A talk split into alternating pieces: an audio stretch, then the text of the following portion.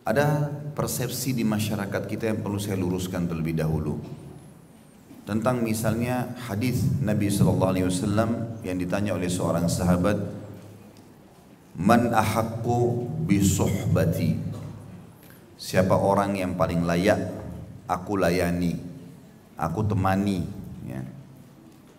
Maka Nabi SAW mengatakan ummuka, ibumu.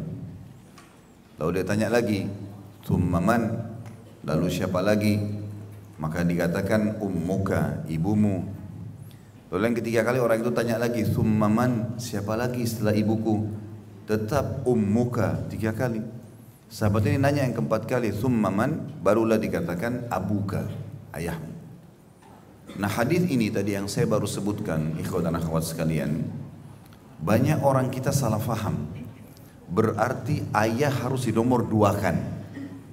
Sehingga ayah itu posisinya di rumah seperti orang yang tidak punya keputusan. Pokoknya ibuku. Ini pemahaman harus diluruskan karena yang Nabi SAW sebutkan di sini yang harus didahulukan pelayanan. Perhatikan kalimat ini ya.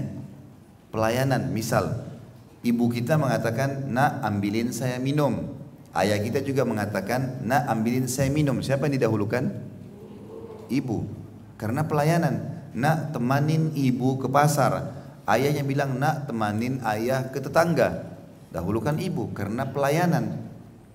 Tetapi ini hanya sebatas pelayanan. Jangan ditarik dalam semua lini kehidupan. Penisbatan nama kepada siapa? Ayah. Mustahil diganti nama kita ke nama ibu kita, nggak boleh. Itu hukum syari. Sekarang kalau izin keluar rumah dari siapa? Ayah. Kalau mau menikah wanita, siapa yang jadi walinya? Sekarang saya tanya, kalau seandainya ibu kita setuju kita menikah dengan seorang laki-laki, misalnya ibu-ibu akhwat sini. Ibu kita mengatakan, tidak apa-apa ibu setuju, tapi ayahnya nggak setuju, lalu nikah. Sahkan nikahnya? Batal Zina itu. Nggak boleh. Nah berarti ada batasan yang kita harus faham di mana kita dahulukan ibu. Pelayanan. Itu penting ya. Karena banyak orang ayahnya nggak setuju nikah. Lalu si calon anak mantu ini karena dia tahu ini ayahnya nggak mau nih. Lalu dia dekatin ibunya, calon mertua perempuannya. Dikasihlah hadiah segala macam lalu dia setuju. Lalu dipaksa menikah. Ayahnya seperti nggak punya nilai, setuju nggak setuju terserah. Buatlah acara. Percaya lisan saya pasti ribut rumah tangganya. Kacau pasti. Nabi SAW sudah bilang, Ayyam memberaatin angkahat nafsa begari idni waliyuha fanikahuha batil batil batil. Perempuan mana pun berani menikah tanpa izin walinya, persetujuannya, nikahnya batal, batal, batal. Artinya zina nggak boleh. Jadi tahu batasannya ya. Karena banyak anak-anak durhaka sama ayah gara-gara ini nih. Nggak paham. Kan Rasulullah bilang ibumu, ibumu, ibumu. Ditarik dalam semua lini kehidupan. Padahal nggak ada penisbatan nama pada ibu. Nggak ada izin pernikahan pada ibu. Ibu-ibu di sini tolong, poin penting. Jangan campurin pernikahan anak dalam izin pernikahan. Nggak boleh. Ibu harus tahu batasan syari. Ibu boleh kasih saran, tapi kalau ayahnya nggak setuju, suruh cari ridho ayahnya. Kejar ayahmu. Kalau ayahmu setuju baru.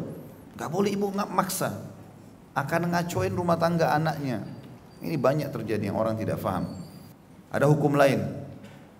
Kalau ibu-ibu melahirkan punya ASI. Lalu ibu merasa asinya banyak. Ada anak tetangga mau disusuin. Sekarang saya tanya hukumnya. Apakah harus izin suami untuk memberikan ASI kepada anak tetangga atau langsung aja susuin? Wajib izin.